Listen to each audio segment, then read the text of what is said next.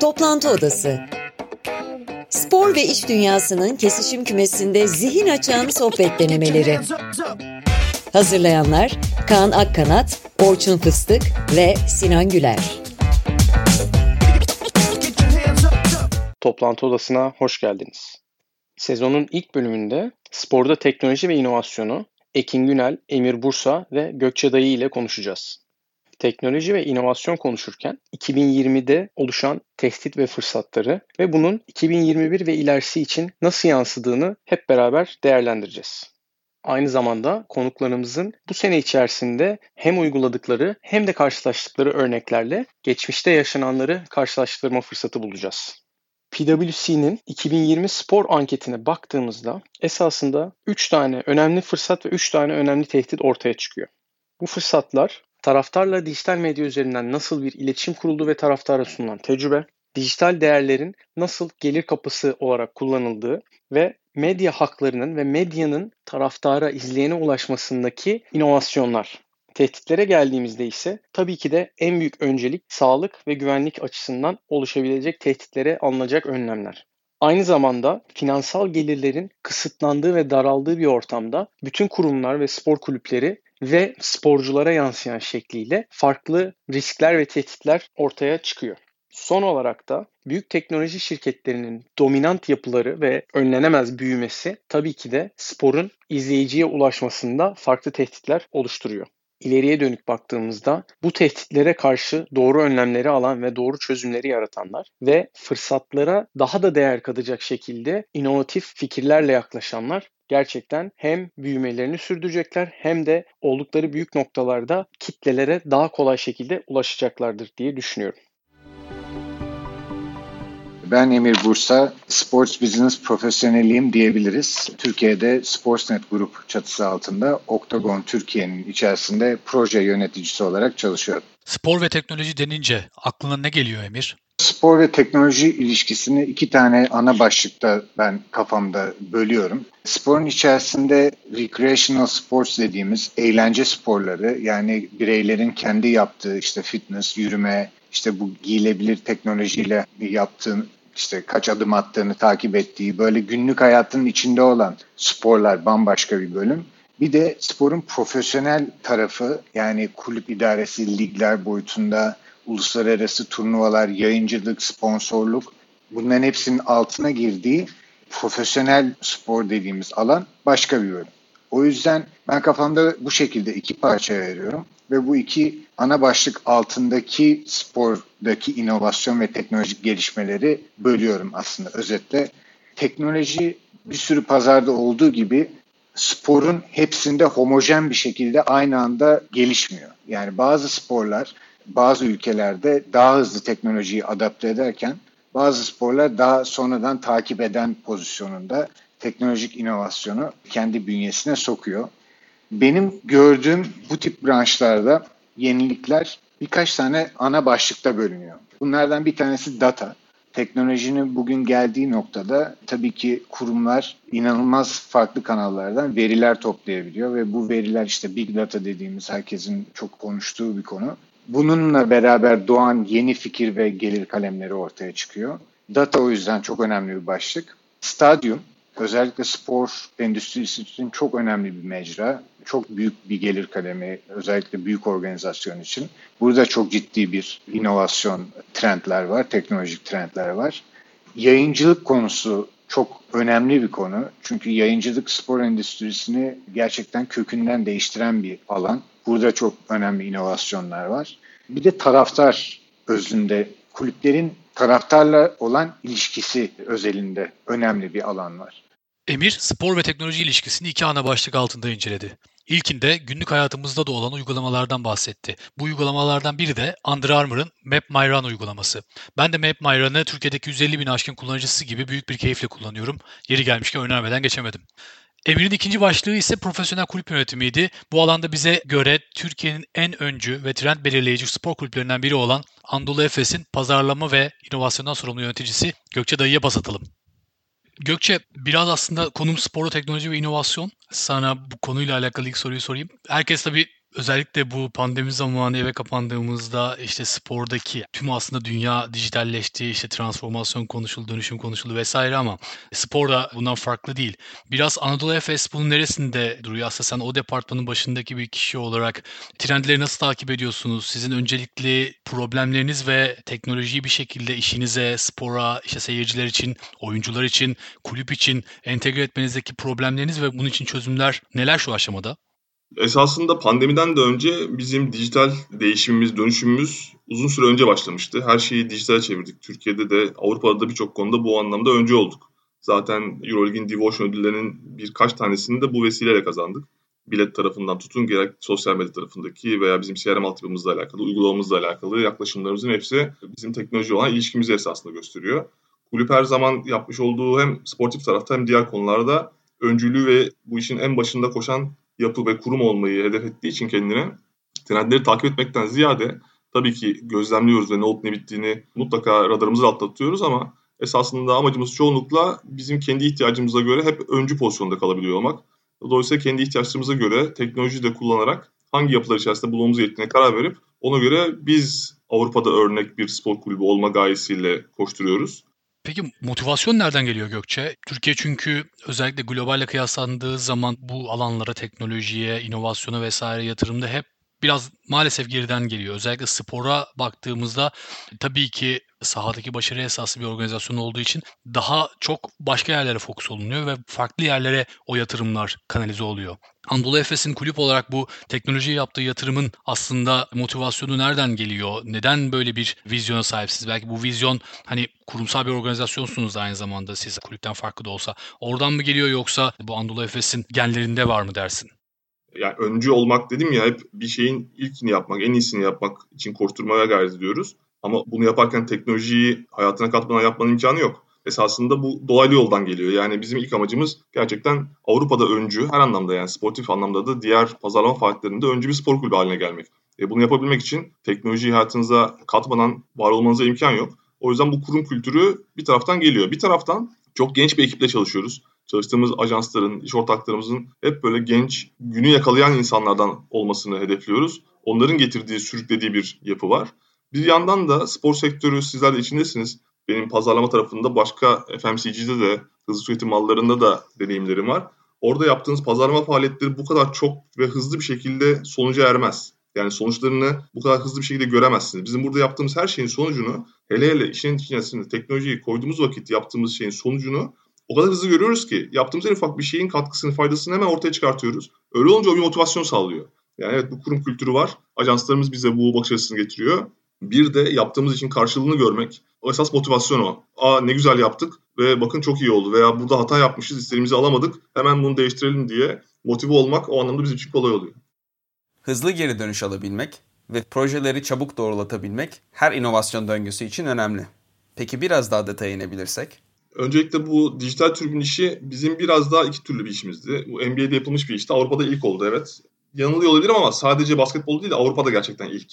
Her branş için buradaki derdimiz biraz esasında oyuncularımızı motive etmekti. Yani ilk hareket noktamız oydu. Onlar bir anda çok yalnız kaldılar ve tuhaf bir his bu. Yani biz bile orada çalışan, sahada çalışan insanlar olarak bunun garipliğini hissediyoruz. Onlar çok daha fazla yaşıyorlardır diye.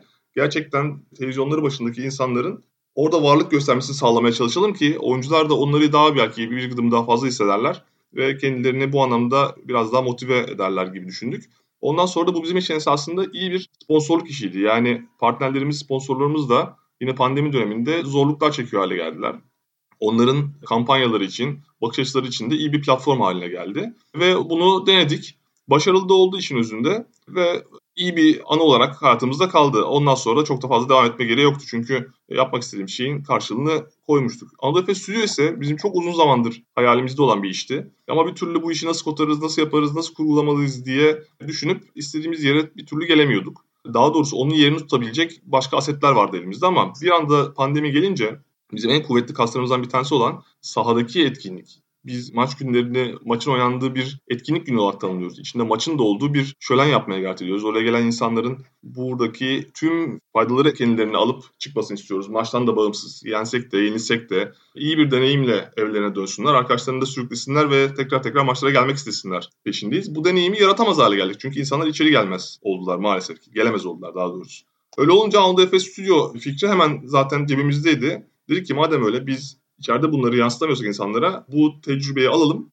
Dijital ortamlarla, teknolojiyi kullanarak insanları eriştirmeye çalışıyoruz. O kadar başarılı oldu ki hiç umduğumuz gibi olmadı işin özünde. Yani biz içeride işte 15 bin kişilik kabaca konuşuyorum bir salonda oynuyoruz. Milyonlar seyreder hale geldi bir anda. Biz 15 bin kişiye sunuyorduk esasında bu show içeriğini.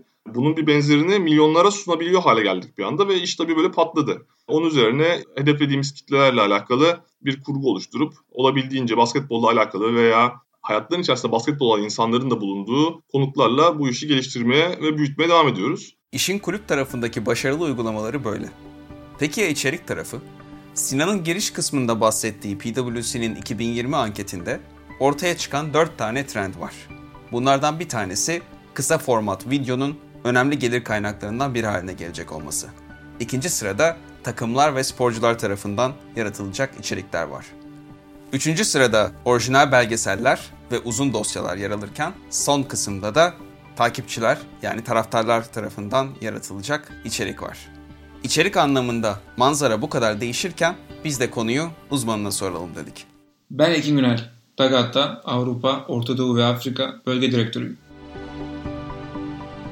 Dugout bir dijital medya şirketi en büyük özelliği kurucularının dünyanın en büyük 10 futbol kulübü olması. Dugout'un shareholderları yani yarısının yüzde hissesi bu 10 kulübün Real Madrid, Barcelona, Chelsea, Arsenal aklına gelebilecek ilk 10 kulüp Dugout'un kurucuları. Ne yapıyoruz peki? Bu futbol kulüpleriyle beraber çalışarak onlara yeni bir gelir kapısı, gelir modeli oluşturmaya çalışıyoruz aslında onların dijital kısa format içeriklerini, video içeriklerini alıp onları dağıtarak bir gelir modeli yaratıyoruz kulüplere. Bu 10 kulüp dışında 120 kulüple çalışıyoruz. Türkiye'den de işte Beşiktaş, Bursa Spor, Trabzonspor, Göztepe gibi birçok kulüple çalışıyoruz. Şu an 2021 senesinde Türk spor endüstrisine baktığında öncelikle ne gibi trendler görüyorsun? Mesela dünyaya baktığımızda işte highlightlar maçlardan daha çok izlenmeye başladı. Tabii ki de mobil içerik tüketimi daha fazla işte OTT yani insanların para vererek izleyebilecekleri içeriklere ciddi bir yönelim var. Spor kulüpleri kendi uygulamalarını yaratıyorlar buradan video ve benzeri sosyal içerikleri ticarileştirmek adına. Sen Türkiye'de şu an ne gibi trendler görüyorsun ve genele baktığında da çözümü öncelikli problemler neler sence? İçerik, spor kulüpleri ve bunun ticarileştirmesi üçgeninde düşündüğünde. Şöyle cevap vereyim biraz globalden Türkiye'ye geleceğim. Dediğim gibi OTT'ye kayma en büyük trendlerden biri. Geçen şirketten bir arkadaşımla konuşuyordum söyledi. İngiltere'deki Sky üyelerinin ortalama yaşı 57'ymiş. Böyle bakarsak Sky gibi işte bu cable networklerin bu 20 yıldır hayatımızda olan formatlardaki iş modelleri kaybediyor. Bunu herkes biliyor. Herkes artık bir para verip 100 tane random kanal alacağıma aynı paraya gider. Selektif direkt istediğim formattaki içeriği istediğim zaman izlerim tarafına yöneliyor herkes. Özellikle genç jenerasyon kesinlikle televizyon izleme alışkanlığı yok ve herkes dijitalde. Bu bir gerçek ve Türkiye'de de aynı şekilde trend bu şekilde ilerliyor. Hatta zaten bu sene yaşanan sıkıntı, bu sene demeyeyim birkaç seneden yaşanan sıkıntı yayıncı Bein Sports ile kulüpler arasında ve federasyon arasında gidip gelen bir anlaşma var. Şu an tam ne olduğunu bilmiyoruz ama çok büyük bir sıkıntı var. Üzerine yara bandı konarak geçiliyor. Bunun en büyük sıkıntılarından biri zamanda yapılan anlaşmanın belki değerinden fazla büyük olabilmesi. İkincisi Türkiye'deki finansal ekonomi tarafında yaşanan sıkıntılar, kurun çok zayıflaması, yayıncı kuruluşu dolar öderken TL kazanıyor. Tamamen ters etki yapan bir durum var. Doğal olarak sadece Türkiye'de olan sıkıntı değil bu. Bu her yerde bu şekilde böyle yayın hakları parçalanıyor. İşte 3 kurum birisi dijitalde bir maçlar alıyor. İşte Amazon giriyor, Dazon giriyor. Farklı farklı kurumlar girip yayın haklarını paylaşıyorlar. Ancak böyle döndürülebiliyor şu an. Bu bütün sektörü sadece futbol değil bütün sporları tehdit eden bir durum var. Çünkü olur da bu yayın haklarını alan kuruluşlar bu paraları ödeyemez ise bir deflation olacak sonuçta. Futbolculara bu kadar paraları harcanamayacak gibi gibi sıkıntılar var. O yüzden şu an kulüplerin yapmaya çalıştığı en önemli şeylerden biri fan monetization. Çünkü bir yerde bu bubble yayın hakları geliri bir bubble seviyesine ulaştı ve oradan geri düşme tehlikesinde. Dediğim gibi böyle geçici çözümler ile belki o yayın haklarını koruyabiliyorlar şu an ama o bir tehlike. Bunu herkes görüyor. En önemli olan şey burada fan monetization. Çünkü orası bir growth area. Şöyle bakarsak aslında örnek verelim. Hani ben Galatasaraylıyım. Kaç milyon taraftarımız var diyor işte 20 milyon taraftarımız var. Herkes böyle bir rakam söylüyor. İşte sosyal medya following'ini topluyorsun. Oradan bir toplam taraftar sayısını oluşturuyorsun. Peki bu taraftarlardan her ay ya da her gün 1 TL toplayabiliyor muyuz? Belki direkt şu an bağış kampanyaları yapıyorlar. Onun gibi değil ama nasıl bu taraftarlardan daha çok para kazanabileceğiz? Bütün kulüplerin buna odaklanma olması gerekiyor ve buna yatırım yapması gerekiyor. Şirketlerin de yani işte startupların da buna yönelik ürünler geliştirmesi gerekiyor. Bu bağış konusu mesela benim kafama çok takılan bir konu. Kulüplerimiz hala 2021 yılında IBAN gönderiyor ve SMS'lerle para toplamaya çalışıyoruz. Ve bunu bütün kulüplerimiz yapıyor. Ben çok yatıyorum. Sarı kırmızı bileklikler vardı. Adnan Polat başkandı hatırlıyorum 2005 midir yani televizyona çıkıp bağış kampanyası yapıyordu hiçbir şey değişmedi. 15 sene geldiğimiz sene ya da kaç sene ise hala aynı şekilde taraflardan para toplamaya çalışıyoruz. Peki SMS gönderince taraftar burada ne kazanıyor? Bir reward sistem var mı? Bir ödül, bir belki bir mesaj atıyor geri kulüp sana. Çok teşekkürler bağış bu maksimum. Ya da taraftar artık şöyle bakıyor. Tamam ben kulübüme yardım etmek istiyorum. Ya da işte sporcuya veya neyse herhangi bir kuruma. Peki ben karşılığında ne alıyorum? Belki karşılığında bir çok bir şey beklemiyordu taraftar. Belki bir recognition sadece yeterli olabilir burada ama bizim buna yardımcı olacak sistemlerimiz yok. Türkiye'de özellikle. Belki bir şirket, bir startup öyle bir ürün geliştirebilir ki bu bağış sistemini taraftara çok sempatik gelecek şekilde bir ürün geliştirir ve karşında bir ödül sistemi, bir belki bir puanlama sistemi gibi gibi bu tarz bir sistem olsa çok daha sempatik görünebilen kampanyalar ortaya çıkıyor. Adı bağış olmaz özellikle. Fan monetization alanında kulübün pazarlama ve işte satış tarafında bir organizasyon olabilir. Çok kafama takılan bir konu. Burası bir açık bence özellikle Türkiye'de. Bağış toplamaya devam edeceğimiz, düşeceğimiz için. Sky örneğiyle yayıncılığın izleme deneyiminin ne kadar değiştiğinden bahsetti Ekin. Dinlerken aklıma Netflix CEO'su Reed Hastings'in bir röportajında Netflix'in en büyük rakibini uyku olarak adlandırması geldi. Bu da aslında Ekin'in vurgu yaptığı o insanların vakitlerini, dikkatlerini almaya yönelik yaklaşımın ne kadar doğru olduğunu gösteriyor bize. Yayıncılığın sporda en inovatif olan şeylerin başında geldiği konusunda konuklarımız da bizimle hemfikir. Amazon, Facebook gibi büyük teknoloji oyuncularının da bu alana el atması, ihalelere girmesi aslında hem bu alanın ne kadar gelişime açık olduğunu hem de ne kadar vaatkar olduğunu gösteriyor. Emir'in elinde bu konuyla ilgili Premier Lig'den çok çarpıcı veriler var. Gelin pası ona atalım. Spor endüstrisi çok genç bir endüstri baktığımız zaman. Premier Lig şu an dünyanın en büyük futbol ligi diyebiliriz yani yerel ligler açısından. 1992 yılında kuruluyor. Aslında bu ligin kurulmasının en büyük amacı da yayın gelirlerini kolektif bir şekilde pazarlık yapmak ve gelir arttırımını sağlamak. İlk yapılan 5 yıllık anlaşmada Premier Lig takımlarının yıllık gelirleri 38 milyon pound civarında 1992. Bu gelir kulüplere dağıtılıyor. Bir de buna uluslararası yayın hakları ekleniyor. 8 milyon pound kadar. Yani toplamda 46-47 milyon poundluk bir yıllık gelir var. Şimdi bir ileri hızlı sarıyorum. Benim elimdeki en son veri 2018 yılındaki veri. Takımların yıllık yayın havuzundan aldığı gelir 1.7 milyar pound. Bu sadece yerel. Bunun üstüne de 1 milyar pound da uluslararası yayın geliyor. Yani toplamda 2.7 milyar poundluk bir yayın parasından bahsediyoruz. Yani 20 yılda 46 milyon pound'dan 2.7 milyar pound'a çıkış var. Yani aslında buradaki bu gelişimin ne kadar kökünden bu olayı organizasyon değiştirdiğini çok da net iyi anlattığını düşünüyorum.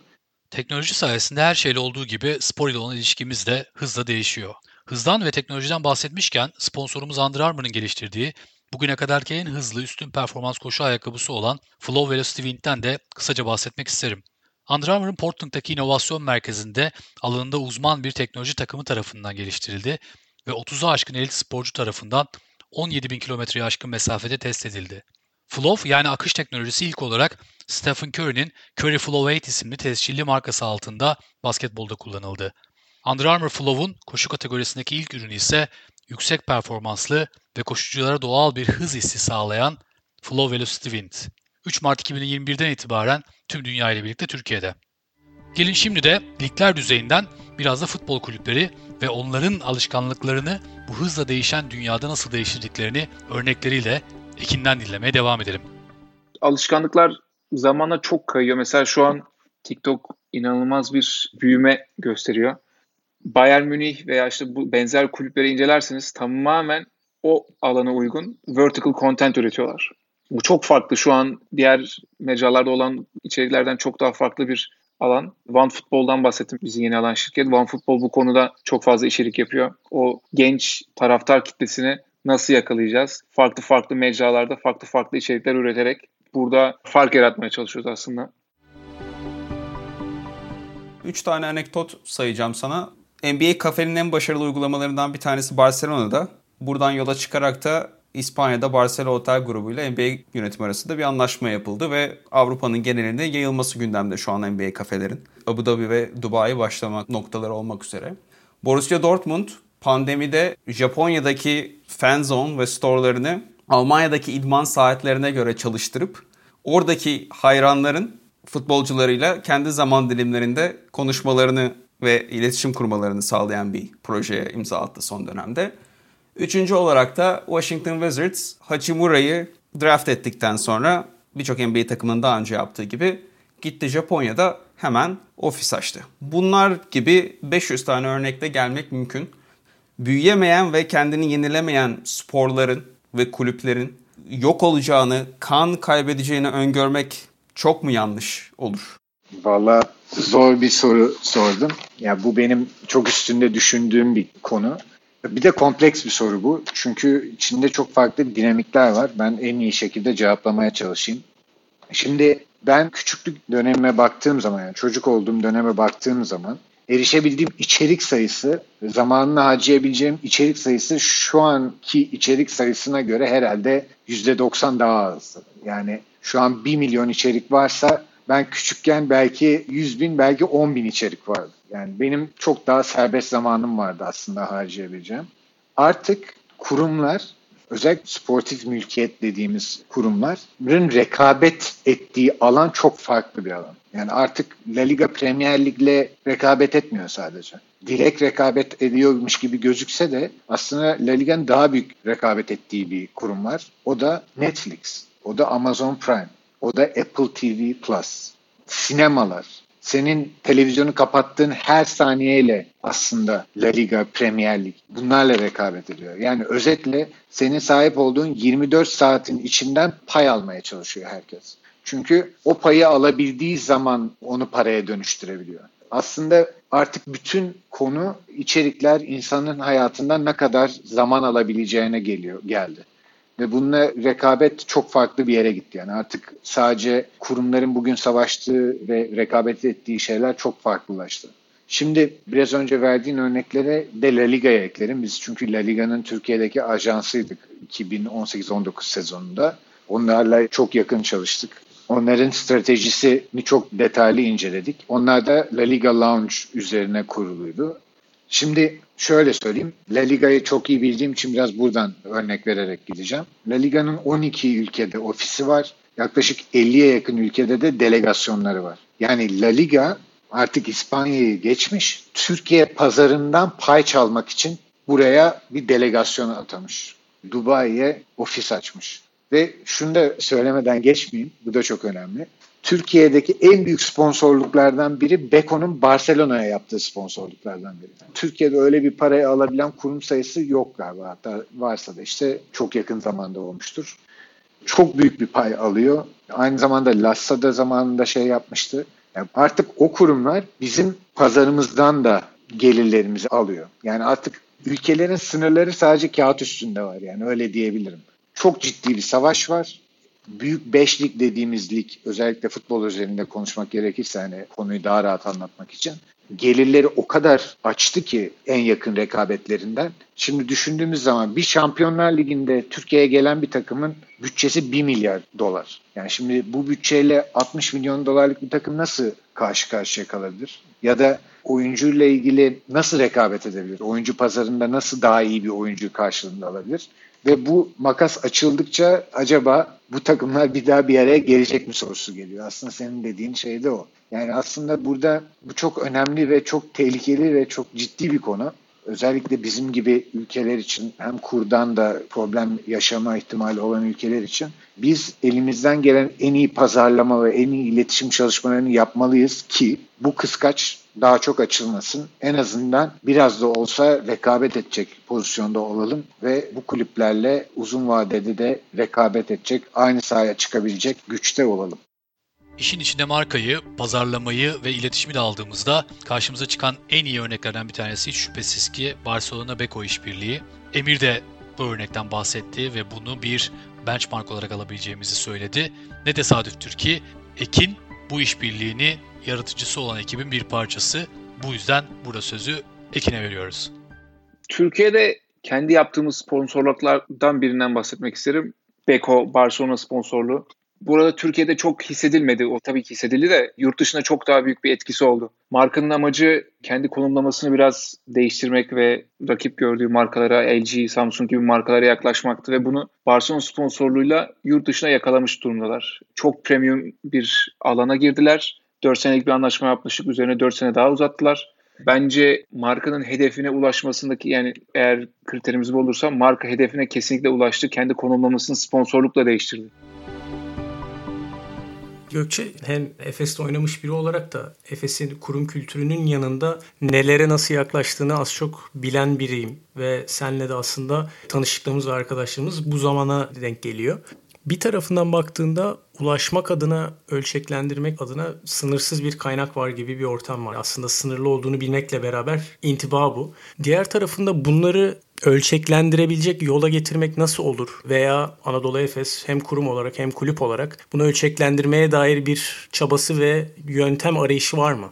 Euroleague de bu konulara çok böyle ilgi gösterir, alakadar olur hale geldi ve Digital Transformation Fund diye bir dijital dönüşüm bütçesi, projesi ortaya çıkarttı. Dedi ki gerçekten bizim inandığımız türden bir dijital teknolojik iş planı oluşturan kulüpler için biz bir fon oluşturacağız ve bu fonu aktarmaya gayret edeceğiz kulüplere ki daha da ileri gitsinler. Hem Euroleague markasının tanıtımı Avrupa'da yaygınlığı için bu iyi olsun hem kulüplerin kendilerini geliştirmesi için bir vesile olsun diye. Ve biz oturduk teferruatlı bir dijital dönüşüm planı çalıştık Euroleague için. Bunu Euroleague'e sunduk incelediler, yorumlar yaptılar, mailler gitti geldi, revizyonlar oldu. Sonra Türkiye'ye geldiler. Burada tekrar işte bütün sunum üzerinden geçildi. Bu niye böyle oldu, şu niye böyle oldu, burada neye varmak istiyorsunuz, burada hangi hedef gitti vesaire. Çok tartışmalar sonrasında projemizi kabul ettiler ve bu fonu bize de aktardılar. Biz de bu fonla mevcut dijital ve teknolojik bakış açımızın üzerine daha da güzel işler yapmak için kolları sıvadık. Zaman içerisinde bunları siz de peyderpey göreceksiniz. Hayatımıza geçecek. Gökçe nezdinde tüm Anadolu Efes ailesini Euroleague'den ülkemize böyle bir kaynağı getirebildikleri için tebrik edelim önce. Sonra da bu ve benzeri kaynaklar ve tecrübeler ışığında Ekin'e soralım. Ekin, sence Türkiye katma değerli bir spor üstüne dönüşebilir mi? Sorunun cevabı aslında açık olduğu için evet dönüşebilir. Fakat bunun için özel sektörün ve devlet desteğinin kesinlikle olması gerektiğini düşünüyorum. Çünkü şöyle örnek vereyim. Bir kere niye olabilir? Oradan başlayayım pardon. Bir, çok iyi bir eğitimimiz var. Çok iyi mühendisler çıkartıyoruz. Çok dünyanın her tarafına gidip çalışabilen bir workforce yaratabiliyoruz. Spor tutkusu çok yüksek. Herkesin buraya eğilimi, herkes bu sektörde çalışmak istiyor. Onun dışında pazar çok büyük. 85 milyonluk bir pazara bakıyorsunuz bir nevi. Bir ürün çıkarttığınızda, bir hizmet, bir servis yaptığında çok büyük bir pazar var. Onun dışında yatırım maliyetleri düşük. Globale doğru bakarsanız şöyle Türkiye'deki bir mühendisin satışçının maliyeti yurt dışına göre çok daha düşük. Mesela biz Dagaat'ta İstanbul ofisimizi çok büyüttük. Çünkü maliyet açısından bizim için hem çok iyi bir talent pool var aynı zamanda maliyetler düşük. Böylece aslında Türkiye çok çekici duruyor. Fakat bunun bir dezavantajı da yapılan satışın TL bazında olması globalden bakıldığında Türkiye her zaman gelirlerinizi siz TL bazında korusanız bile TL olarak gelirleri düşen bir pazar haline gelebiliyor. Türkiye'nin genel dinamikleri içerisinde böyle. Fakat sıkıntı şuradan kaynaklanıyor.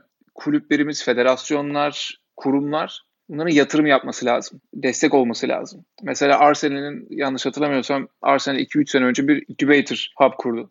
E ne yapıyor Arsenal? Arsenal startupların arkasına geçiyor. Kulübün inişiyet ettiği bir süreç var. Türkiye'de ise startuplar kalkıp kulübe bir şey satmaya çalışıyor. Bir kere kulüplerle iş yapmak çok zor. Gerçekten onlara bu önce projeyi anlatmak, projenin neler katabileceğini anlatmak, onların evet demesi, ondan sonra bir de sabır çok yok Türkiye'de. Return hemen bekleniyor. O yüzden bir ürünü geliştirip iç pazarda satabilmek için önce buna yatkın bir yönetici kitlesi gerekmekte. Sabır gerekmekte, zaman gerekmekte. Çünkü startup çıktığı bir ürün geliştirdi. İlk gününde bu ürünün süper olma şansı yok. O yüzden burada alıcı olarak baktığımızda hizmet alan kurumların biraz bu işe elini sokması, destek vermesi, arkasında durması gerekmekte. Hatta buna bir yatırım aracı olarak bakarak gelecekte kendilerine gelir sağlayabilecek bir şey olarak görmeleri gerekiyor. Belki bu Türkiye'de yaratılan teknoloji tarafında hizmet, servis sonra bir noktada yurt dışındaki kulüplere satıldığında belki bir gelir modeli bile olabilir bu Türkiye'deki kulüplere. Gibi gibi benim gördüğüm sıkıntılar var. Mesela şu an bir sürü İsrailli şirket var. Çünkü o spor tarafında inanılmaz yatırımlar yapıyorlar. Niye İsrail'de vardı, Türkiye'de yok? Bu arada Türkiye'de yok demiyorum. Sadece benim karşıma çıkan görece. Sporun içerisinde teknoloji ve inovasyonu daha iyi, daha gelişebilir bir şekilde hayatımıza sokabilmek adına girişimlere çok ihtiyacımız var. Bu noktada benim son 3 senedir tecrübeme bağlı olarak şunu söyleyebilirim ki Türkiye'de spor girişimciliği, Türkiye'de spor inovasyonu daha emekleme noktasında tabii ki de farklı seviyelerde farklı gelişmeler takip edebiliyoruz. Fonlar kuruluyor, girişimlerin aldığı yatırımlar çok önemli noktada ve kendini kanıtlamaya başlayan girişimler sadece spor endüstrisine katkı verdiğini gördüğümüz girişimler karşımıza çıkmaya başlıyor. Burada önemli olan konu birincisi girişimlerin ürünlerini hazırladıkları noktada kendilerini kanıtlayacak şekilde ilerlemeleri, gözlerinin Türkiye'deki problemleri çözerken globalde yapabilecekleri olmalı. Burada döndükleri yön çok da önemli değil. Batıda da, doğuda da spor endüstrisinin çok büyük olduğu alanlar var. O alanlara hitap edecek girişimler, o alanların problemlerini çözecek girişimler çok daha farklı bir şekilde büyüyecektir. İkinci ihtiyaçlardan bir tanesi spor kurumlarının bu girişimlerle kuracakları iletişimleri nasıl yapılandırdığımız. Burada hepimize göre düşüyor. Ben son bir senedir bununla alakalı farklı çalışmalar yapıyorum ve bu çalışmaların nasıl gelişeceğini ilerleyen dönemde sizlerle paylaşmayı umuyorum. Ama spor kurumlarının kurumsal girişimciliği öne çıkarmak adına, spor girişimciliğini öne çıkarmak adına bu girişimlerle kurdukları iletişim ve yapılandırmalar çok önemli olacak. Bir diğer fırsat ise bugün belki çok üzerine düşmedik ama sporcuların ve spor insanlarının burada neler yaptığı. Ben hep spor dünyasındaki değer yaratan insanların girişimcilikte çok önemli roller sahip olacağını düşünüyorum. Hem yatırımcı olarak hem de hikayelerine destek olarak girişimlerin çok farklı kaldıraçlarla girişimlerin büyümesine yardımcı olabilirler. Bu noktada da girişimcilik ekosisteminde gördüğümüz ve gün geçtikçe büyüyen ve melek yatırımcılığa, melek yatırımcılığın üstüne gelen insanları takip ettiğimizde ben sporcuların Türkiye'de böyle fırsatları da değerlendirmesinin inovasyonu ve teknolojiyi çok farklı şekillerde destekleyeceğini düşünüyorum. Bunun örneklerini görüyoruz. Ben yaklaşık 7-8 senedir melek yatırımcılık şeklinde burada teknoloji ve inovasyona destek oluyorum. Mesut Özil yeni transfer oldu Türkiye'ye ama 2020 boyunca nasıl bir yatırım yapısı kuracağını ve bununla alakalı yapabileceklerini hem girişimcilik ekosisteminde teknolojik ve inovasyon olarak hem de blok zinciri teknolojileri içerisinde neler yaptığını hep beraber görüyoruz önemli olan konu burada tekrar ediyorum ki biz sporcuların girişimlere nasıl yardım edebileceğini gerek finansal olarak gerek değer yaratacak farklı fikirler olarak gerek mentörlük olarak nasıl yardımcı olabileceğimizi yapılandırmak, bunun süreçlerini çok iyi şekilde belirlemek ve sporcunun hayatını kolaylaştıracak belirli farklı finansal ve değer yaratacak inisiyatifler belirlemek önemli olacak diye düşünüyorum. Sporda inovasyon ve teknolojiyi kurumlar ve kulüpler tarafından dinledik ve burada tabii ki de özellikle kulüp tarafına baktığımızda ve kurumlar, pazarlama kurumları tarafında baktığımızda onlara çok büyük görevler düşüyor. O görevi de en iyi şekilde yaptıkları gayet ortada. Ama bir diğer tarafı da burada önemli olan yıkıcı teknolojileri Türkiye'den çıkarabilmek adına girişimciliğe verilen destek. Spor girişimciliği Türkiye'de açıkçası emekleme safhalarında. Şu anda biraz rakam vermek gerekirse Sportek'in geçtiğimiz sene verdiği rakamlarda İngiltere spor teknolojileri ve spor girişimciliğindeki pazarda %20'ye yakın bir rakama sahip Avrupa bazında. Türkiye burada sadece %1'deydi. Tabii ki de büyüme şu anda gösteriyoruz. Yatırımlar artıyor spor girişimlerine. Fonlar kuruldu spor, medya ve eğlence alanlarında. Buradaki destekler ve aynı zamanda e-spor ve oyun dünyasında da çok ciddi yatırımlar görüyoruz. Bunların hepsinin bir araya geldiği noktada gelişme gösterecek ve hızlı büyüme gösterecek çok farklı ortamlar var. Bununla birlikte ama girişimlerin tabii ki de kendi fikir aşamalarından ürün aşamasına ve daha da büyüyebilecek noktaya geldiklerinde her zaman gözlerinin dışarıya bakıyor, globalde yapabileceklerine bakıyor ve kendilerini ona hazırlıyor olmaları lazım. Bunu da kesinlikle söylemem gerekiyor. Son olarak burada spor kurumlarının ve spor insanlarının sporcu olarak ve saha dışındaki veya teknik anlamdaki spor insanları olarak yapabilecekleri çok daha önemli girişimlerin kurumlar ve insanlarla kuracağı ilişki, buradaki yakalayacakları yatırım imkanları, pazarlama imkanları, büyüme imkanları, ürünlerini kanıtlama imkanları onların geleceğe dönük ilerlemesinde çok daha farklı bir şekilde yardımcı olacağını düşünüyorum esasında burada olması gereken bugün nasıl girişimcilik ekosistemi içerisinde kurumsal girişimcilikten bahsediyorsak bunun benzerinin bir şekilde spor dünyasına yansıması gerekiyor. Aynı zamanda da spor insanlarına girişimcilik ekosisteminin neden çekici olduğunu daha da sık anlatmamız gerekiyor. Umuyorum ki ben zaten bu alanda çok daha farklı çalışmalar, çok daha detaylı çalışmalar yapıyorum bu çalışmaların etrafında doğru insanlarla doldurduğumuz noktada sporda inovasyonu, sporda teknolojiyi Türkiye'den çıkarabilecek bir ortam yaratmak kaçınılmaz diye düşünüyorum. Ya ben çok basit bir şey söyleyeyim o zaman. İnsan kaynağı. Çünkü her şey insanla değişiyor. Ya böyle bir romantik geldi kulağa ama gerçekten bir inovasyon aslında yani teknoloji kendi kendini yaratmıyor. Onu yaratan ya da teknoloji yaratıldığında teknoloji kendiliğinden entegre olmuyor. Onu sisteme sokan insan ve insan kaynağı. Türkiye'de şimdi bu kısmı bence çok önemli aslında çok konuşulan bir şey de değil. Ya bu endüstri yani sports business konusu dünyada genç bir konu. Yani bunun endüstriyel olarak ele alınması Amerika'da da Amerika tabii ki bu işi ilk yapan hatta İngilizlerin çok kopya çektiği bir yerdir Amerika'daki model. Orada başlayan sonra dünyaya yayılan bir konu ama son işte 30-40 yılın konusu belki maksimum. Bunun bir endüstriyel açılımı var ve aslında bu nasıl otomotivde mühendisler çalışıyor, işte iletişimci, pazarlamacılar çalışıyor. Yani spor endüstrisinin hiçbir farkı yok. Bence Türkiye'de ilk yapılacak adım bunun bir endüstri olarak kabul edilmesi ve buraya bu işi eğitimini almış, bu işin içerisinde kavrulmuş, belki camianın içinden gelmiş ama bu işin endüstriyel tarafını iyi anlamış insanları çekmemiz lazım. Ya bu arada bu iş zaten herhangi bir FMCG işi gibi de olabilir. Yani sonuçta bu işin bir dijital pazarlaması var. Bu işin bir reklamcılık tarafı var. Bu işin bir sürü sektörde olduğu gibi işletme tarafı da var. Türkiye'de bu taraflar yani çok geride kalmış maalesef sektör içerisinde bu işi profesyonel olarak yapan, işte bunun için şey yapılmış insan çok çok yok maalesef. Yani bunu üzülerek söylüyorum.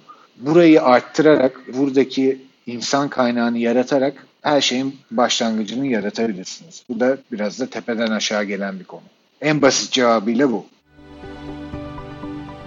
Türkiye'de belli kulüplerin teknoparklar kurmaya çalıştıklarını, işte farklı alanlarda şu an mesela bunu kripto paralarda görüyoruz. Kulüplerin bu alanda bir atılımı var. Kendi uygulamaları üzerinden yapmaya çalıştıkları alternatif senaryolar var vesaire vesaire ve dediğin noktaya gelinmeye çalışılıyor bir noktada. Hani Barcelona gibi, Arsenal gibi spor teknoloji inovasyon merkezleri haline gelip bunu Türkiye'nin jeopolitik konumu göze alınıp hani sağa sola aşağı yukarı dağıtma amacı var. En azından böyle bir plan var. Ne kadar sürdürülebilir olduğu veya ne kadar bu potansiyeline ulaşılabilir. Sanırım önümüzdeki senelerde biraz bunu göreceğiz. Ben sana şunu sormak isterim. Türkiye'de şu an bir kulüp kuruyorsun. 2021 senesi. Ekin Spor bu kulübün adı. Ve ben sana diyorum ki Ekin sen bu kulübü kur. Bunun taraftarları da hazır. Nasıl bir hayran yönetimi, kitle yönetimi, müşteri yönetimi yaklaşımı izlersin? Bu kitleyi sıcak tutmak, büyütmek ve karlı bir spor entertainment, ekin spor yaratmak adına? Çok güzel bir soru. Hayal kurabilmek için. Öncelikle içerik tarafından bahsettik demin. Bir kere fan monetization tarafı çok önemli. İçeriğin sustainable olması önemli. Bir kere mesela demin bahsettiğim bir örnek vardı. Kulüplerimiz kendi mecralarını kuruyor ve oradan işte subscription modelleriyle gelir kalemleri yaratmaya çalışıyorlar. Fan monetization bir nevi.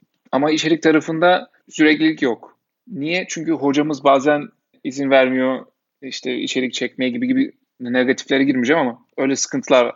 Bir kere own and operated channel yaratılması. Yani bu application, işte website, işte bütün kendi mecraları. Bu arada own and operated derken sosyal medyadan bahsetmiyorum. Sosyal medya ayrı bir mecra. Own and operated tarafta fan base büyütmek ve burada fan base büyütürken tabii ki içeriğin önemi çok fazla. Orada bir loyalty sistemi yaratmak çok önemli. Sponsorlarla beraber çalışarak bu alanda taraftarlara geri dönüş yapmak gerekiyor. Onları ödüllendirmek gerekiyor. Loyalty tarafını dediğim gibi çok önem vermek. İçerik tarafında gerçekten gençleri hedefleyecek içerikler üretmek ve bunu sürekli halle yapmak en önemli şey. Çünkü iki ay yapıp ondan sonra içerikler azalmaya başladığında o kazandığın bütün base, yarattığın bütün taraftar kitlesi o application'dan o uygulamadan, o platformdan tamamen uzaklaşıyor. Sürerlilik çok önemli. Çünkü herkesin gittiği belli alanlar var. Facebook, Instagram, Twitter, TikTok. Buraya her zaman gidiyorlar. Alışkanlıkları değiştirebilmen için, senin o taraftarı Facebook'tan çıkartıp da eksklusif içerik, content için kendi tarafına alabilmen için sürekli content yaratmak lazım. Bunu sürekli yapmak için de bütün Avrupa'da şu an kulüplerin yaptığı şey in-house medya ekibi kurmak. Bu sadece birkaç sosyal medya uzmanı ve de bir iki tane kameraman değil. Yani içeri proper production team, içeriye stüdyo kurmak. İçeri derken tesislere veya bütün işte şirketin yapısı hangi kurumsa içeriye bir media house kurup burada in-house production yapıp buradan hatta sponsorlara bile hizmet vermek. Yani sponsorların gidip dışarıdan production ajanslarla çalışacağına in-house creative agency kurup sponsorlarla çalışarak kulübün tamamen iletişimine uygun içerik, markalı içerikler yaratarak taraftara sempatik gelen içerikler sunmak lazım. Çünkü bazen ben çok çalıştım. Marka tarafında da çok çalıştım. Marka geliyor tamamen kendi dünyasında bir içerik yaratıyor ve bunu kulübü kullanarak, sponsorluğunu kullanarak kulübün taraftarlarına ulaşmaya çalışıyor. Bu olmuyor. Çünkü dünya markanın dünyası. Kulübün dünyasıyla birleşmeyen, hiçbir şekilde taraftara hitap etmeyen içerikler çıkıyor, reklamlar çıkıyor, kampanyalar çıkıyor çok önemli bir şey burada kulüp ile beraber çalışmak, markanın kulüple beraber çalışması. Bunu da yapmanın tek yolu, en önemli yolu, en kolay yollarından biri in-house bir media creative agency yaratarak, production şirketi yaratarak markaya böyle hizmet vermek ve o aynı zamanda ek gelir olarak sponsordan gelir yaratmak. Sponsorship fee üzerine bir de creative ve production fee kazanabilmek şu an hani benim bulduğum bir model değil. Şu an bütün Avrupa kulüplerinin uyguladığı bir model. Bir de bu Ekin Spor Kulübü'nün kesinlikle güzel bir bütçesi olması lazım bütçe olmadan, yatırım olmadan kesinlikle geri dönüş olmuyor. Türkiye'de gördüğümüz sıkıntılardan biri önce gelir beklenip sonra yatırım yapıyor. Önce bir ben bunu bana para gelsin de sonra ben işte insan kaynağı yaratayım ya da işte farklı farklı yatırımlar yapayım. Bu tamamen kesinlikle sustainable model değil. Son olarak da tüm konuklarımıza canlı tanıklık ettikleri, unutamadıkları spor anlarını sorduk. Valla tam bununla ilgili bir şey geldi aklıma. Ya ben Beşiktaş Liverpool maçına gitmiştim İnönü'de. O Liverpool'u yendiğimiz maç Şampiyonlar Ligi'nde. Desibel rekoru kırılmıştı. Yani herhalde hayatımda ondan daha şahane bir spor anına tanıklık etmedim. Taraftarın o artık aşkla, tutkuyla öyle bir atmosfer oldu ki yani o auraya neredeyse dokunacakmışız gibi bir atmosferdeydim yani onu unutamam. 2006 yılı Ali Samiyen. 16 dakika bekliyoruz. E, o 16 dakika hiç unutamayacağım bir an. Bir arkadaşım vardı onun kafasını öpüyordum bir şekilde. Nasıl orada end up ettik bilmiyorum ama herkes birbirine sarılmış. 16 dakika bitmeyen bir 16 dakikaydı. Kesinlikle inanılmaz bir deneyimli. Unutabileceğimi zannetmiyorum. Ali Samiyen'in de o eski hali, eski Ali Samiyen atmosfer inanılmaz bir atmosferdi. Hızlıca düşünmeye çalışayım. Ne olabilir beni böyle en çok etkileyen veya şaşırtan? herhalde yine çıktığımız Final Four'dur ya. Yani dönüp dolaşıp iş sportif başarıya denk geliyor.